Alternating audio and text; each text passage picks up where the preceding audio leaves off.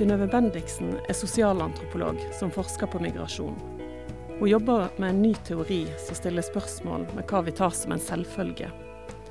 Ja, antropologene vil rive bindet av øynene våre og peke på det som egentlig ligger bak når vi tenker.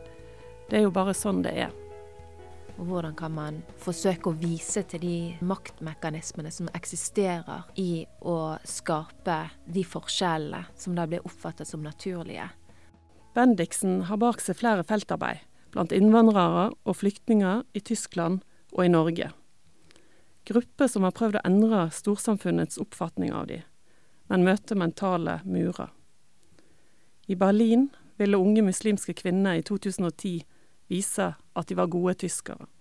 Det som var påfallende blant de unge muslimske kvinnene som jeg gjorde feltarbeid med i Tyskland, det var at deres eh, identifisering med islam og det å være muslim, den var en respons på at eh, på den ene siden så ble unge muslimske kvinner sett på som for tyske av sine foreldre, og samtidig så blir de sett på som for mye muslim av det tyske samfunnet. Så de fant seg sjøl i en sånn slags skvis. Det den muslimske identiteten innenfor en mer sånn universelle umma-tenkegang eh, ga de i Tyskland, det var jo det at de kunne kombinere det å være tysk med å være muslim. Sånn at når foreldrene sa at de var blitt for tyske, eller du er så opptatt av punktlichkeit, sant, å være punktlig, så kunne de unge muslimene si at ja, men det står i Koranen at vi skal være punktlige. Det er ikke en tysk dyd. Det er òg en muslimsk dyd. Og at vi må ta opp i oss disse dydene som eksisterer allerede i islam, og utøve det. Og så kunne de da samtidig henvende seg til det tyske samfunnet med verdier som de visste var verdsatt i det tyske samfunnet. Og slik kombinere både det å være tysk og det å være eh, muslimsk. Jeg eh, gjorde feltarbeid med en gruppe unge muslimske kvinner eh, i Berlin som alle var medlemmer av en ungdomsorganisasjon, Muslimische Jugend Deutschland, hvor deres fokus var å lære om islam på tysk. De fleste av dem var født i Tyskland og oppfattet seg sjøl som del av det tyske samfunnet, samtidig som de òg opplevde å ikke bli akseptert av det tyske samfunnet som muslimer. Og mange av de mente at en av utfordringene med å være muslim i Tyskland det var at uh, det å være muslim og islam ikke ble sett på som mulig samtidig som du er tysk. Og en måte å løse den konstruerte uforenbarheten på, det var å lære om islam på tysk. Slik at all undervisningen de hadde, alt foregikk på tysk, og, og det var viktig av forskjellige grunner. Det var viktig fordi at uh, de sjøl ikke nødvendigvis behersket arabisk eller tyrkisk, slik som deres foreldre gjorde. Det var òg viktig fordi at eh, de ønsket å komme seg ut fra det som man gjerne har kalt etniske enklaver, altså etniske grupperinger av islam, hvor de heller tenkte på islam som noe universell, hvor religion islam ikke tilhørte en tyrkisk tradisjon, en arabisk tradisjon, men det, det var en del av en større universell umma. Deres foreldre hadde gått i moskeer som var den bosniske moskeen, den arabiske moskeen den egyptiske moskeen. Og så er det mange tyrkiske moskeer. Og de ville eksplisitt ikke gå i en tyrkisk moské eller, eller en egyptisk moské, fordi at de ville lære om islam på tysk. En av fordelene med å lære om islam på tysk, det var at man da kunne òg bedre forklare og fortelle om islam til andre tyskere som ikke er muslimer. Dette skulle bli vanskeligere enn kvinnene hadde sett for seg. Hvorfor får du vite mer om litt seinere. Fellesnevneren for Bendiksens forskning er utenforskap. Det å bli sett på og behandlet som annerledes får konsekvenser for hvordan en tenker om seg sjøl, samfunnet en lever i, og framtida. I et annet prosjekt fulgte Bendiksen bl.a. papirløse palestinere. De nekta å være usynlige, de hadde fått nok av passiv venting, og etablerte en protestleir utenfor domkirka i Oslo. Når asylsøkere kommer til Norge, så blir eh, tilværelsen deres veldig mye karakteriseres av det vi kaller å vente. De venter på svar på asylsøknaden sin, de venter på telefon fra advokaten, de venter på at noe nytt skal skje som kan endre deres livssituasjon. Den ventingen kan føles veldig nedtyngende. Den kan føles veldig eh, altoppslukende. fordi at det er akkurat som om at den fremtiden man har forventet seg, som man trodde skulle være når man endelig kom frem, likevel ikke er tilgjengelig. Du får en nåtid som eksisterer hele tiden. Og det kan en jo bli virkelig gal av. Nettopp. Og veldig mange av spesielt de palestinske eh, irregulære migrantene, de fremhevet at det å sitte på mottak og vente og vente og vente på noe uforklarlig, på noe som de ikke visste, de visste nesten ikke hva de ventet på på et, på et tidspunkt, det gjorde at noen av deres eh, kamerater nesten gikk fra vettet. Så det å reise til Oslo og mobilisere seg politisk, det var òg en respons mot den ventingen. Det var òg et, eh, et, forsøk på å ta livet i egne hender og kreve på en måte av livet, av politikerne, av, av eh, systemet, at det skulle gjøre noe for å skape en ny situasjon for dem. Slik at det å vente, det å bli, det å bli forventet å vente, og det å bli krevet av deg at du skal vente, det føltes som et maktmisbruk fra den norske stat. Etter noen måneder i telt dabba oppmerksomheten av for saken.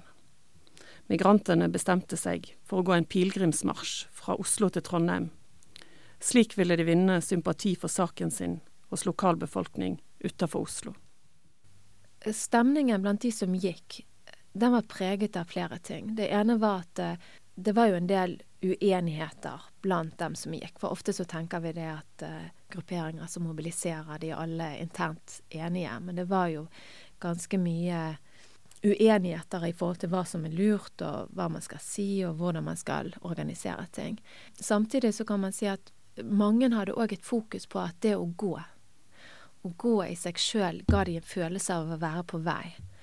Og ga dem, dem en følelse av å ta livet i sine egne hender og ikke bare sitte i Oslo eller på mottakene og vente på at avgjørelser skulle bli tatt over deres liv. Samtidig så var det å gå ute i naturen Det var, var spesielt en av de irregulære migrantene som mente at det hadde fått han til å føle seg enda mer norsk. Og det å, å oppleve Norge på den måten, det å gå i naturen, men det òg å møte folk ute i de ulike bygdene, det gjorde noe med hans tilhørighet til Norge som person. Så selv om de ikke nødvendigvis hadde hatt en konkret endring i deres sak, deres personlige sak, så hadde det gitt dem en, en opplevelse av, av håp. Opplevelse, det hadde gitt dem en mestringsopplevelse.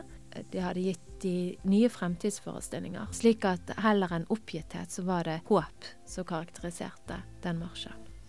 I Tyskland prøvde de unge muslimske kvinnene å finne sin plass, med verdier som var spiselige for storsamfunnet men mektige personer stilte seg tvilende til det å være tysk, og samtidig muslim. Du kan si at de fikk et slag i trynet når Sarrazin eh, kom ut med sin bok i 2010. Sarrazin var en sosialdemokrat i Tyskland. Uh, han var tidligere finansminister. Og han kom ut i, i 2010 med boken 'Tyskland avskaffer seg selv'. Og der har han fremhevet ideen om at at uh, Tyskland ville bli uh, karakterisert av uh, mindre intelligente personer, fordi at dem som fikk flere barn, det var muslimer. Muslimer tok ikke utdannelse og, dermed, og holdt seg mer hjemme, og de brukte mer velferdsstønad. Så dermed ville rett og slett Tyskland gå til dunders pga. Uh, den muslimske befolkningen. Og du kan jo tenke deg det ble enorm offentlig debatt av dette. Sarrazin var en ganske kontroversiell person i forkant, og han ble ikke mindre i etterkant. Og dette førte til ulike offentlige diskusjoner. Det jeg opplevde blant uh, de muslimske kvinnene som jeg var i kontakt med, det var at de følte at situasjonen hardnet til. Um, den hardnet til i forhold til at uh, en del muslimske kvinner ble tilsnakket på gaten på en måte som de tidligere ikke hadde blitt. Jeg hørte om noen som ble kastet boss på fra biler som kjørte forbi dem. Det var harde blikk. Det var ubehagelig stemning, var det mange kvinner som sa. Og jeg hørte òg om en del muslimske kvinner med hodeskjall som òg ble bedt om å ta ut av seg hodeskjallet sitt, altså ble, og noen ble dratt i hodeskjallet. Noen eh, responderte på denne eh, atmosfæren ved at de faktisk trakk seg mer tilbake. De holdt seg mer innendørs, de ville ikke gå ut. De ga på en måte mer opp det å kunne være tysk og være muslim. Som, som hadde lenge vært en del av, av deres uh, arbeid med seg sjøl og arbeid med organisasjon og arbeid med hvem de var. Andre responderte ved å, å faktisk organisere mer aktivt uh, uh, dialog og samtaler og diskusjoner i forhold til rollen. Hvilken rolle skal islam ha i det tyske samfunnet? Men uh, dette her du sier om at, at, de faktisk gav opp prosjektet sitt om å være en tysk muslim, det er jo veldig dramatisk. Og um, jeg vet ikke om du har fulgt i, i ettertid, men og om du føler at det har blitt enda dypere kløft mellom disse muslimske kvinnene og det tyske samfunnet. Det jeg så i 2010, kan du si, det var siste periode jeg var i Tyskland og hadde aktivt eh, samtaler med muslimske kvinner der. Og da opplevde jeg noen kvinner som faktisk hadde tatt på seg burka. En av mine nærmeste venner, hun hadde tatt på seg burka. For henne så var det et kall til religion, da. Og tidligere når jeg hadde snakket med henne, så hadde hun et sterkt kall om å, å gå inn i sosialarbeid og hjelpe innvandrerungdom uh, med å komme seg ut i arbeid og skape en tilhørighet til det tyske samfunnet. Du kan jo si at det var en ganske skarp endring av retningen på hennes liv, der hun valgte istedenfor å ta på seg en burka, og hvor hennes kall i livet da ble å utøve en, et svært religiøst liv. Det var litt pussig, for dette. jeg var i en butikk. Jeg handlet i en butikk i nabolaget mitt, der jeg eh, sto i, i kø i denne butikken. Og så ser jeg en kvinne i heldekkende nikab stå to meter foran meg i køen. Og så ser jeg på henne, og så tenker jeg sjøl Hun ser veldig ung ut av vesken hun bar. Hvordan, hvorfor har hun tatt på seg dette plagget, lurte jeg. Og så plutselig kommer hun bort til meg og så stirrer hun meg inn i øynene, og så sier hun 'Synnøve, det er meg, Gundel'. Og jeg kjente jo Gundel veldig godt, for jeg hadde overnattet hos henne flere ganger hjemme eh, hos henne og hennes foreldre. Eh, så da fikk jeg anledning til å snakke med henne nettopp om hvorfor hun hadde tatt på seg nikaben. Men det ga meg òg en opplevelse av det at man ikke nødvendigvis kjenner igjen en person som man veldig godt kjenner under det plagget. Men det viser jo helt konkret hvordan en politikers ytring kan føre til konsekvenser for enkeltmennesker. Absolutt, og noe av det de unge kvinnene i 2010 snakket veldig mye om, det var at de følte seg sviktet av politikerne. De mente at en politikers rolle skulle ikke være å mane til slik type negativitet om islam og muslimer, som faktisk er en del av det tyske samfunnet. Så, så, de følte rett og slett at politikerne hadde feilet i forhold til integrasjon, i forhold til å inkludere mennesker som allerede var inkludert i samfunnet. Og det som de òg påpekte, det var at eh, etter fotball-VM, som var i Tyskland noen veldig få år tidligere, så hadde det vært en euforisk stemning i Berlin hvor de hadde følt seg veldig inkludert, hvor fremmede på gaten hadde snakket til dem om fotball, om Tyskland. De hadde følt seg som en del av et større Tyskland. Og så da kom dette Sarasin i etterkant som bare dro alt ned igjen. Og en kvinne jeg snakket ganske mye med som var veldig aktiv innenfor det muslimske miljøet, hun mente òg at det var mye media sin feil. Når media fremstiller integrasjon som mislykket, så oppfatter òg den allmenne personen på gaten at integrasjon er mislykket. Men hvis media skriver at uh, dette går bra, vi er alle en del, så får folka på gaten en helt annen oppfattelse. I den norske debatten har ministeren med ansvar for integrasjon nylig sagt at det er ingen vits å sminke på sannheten.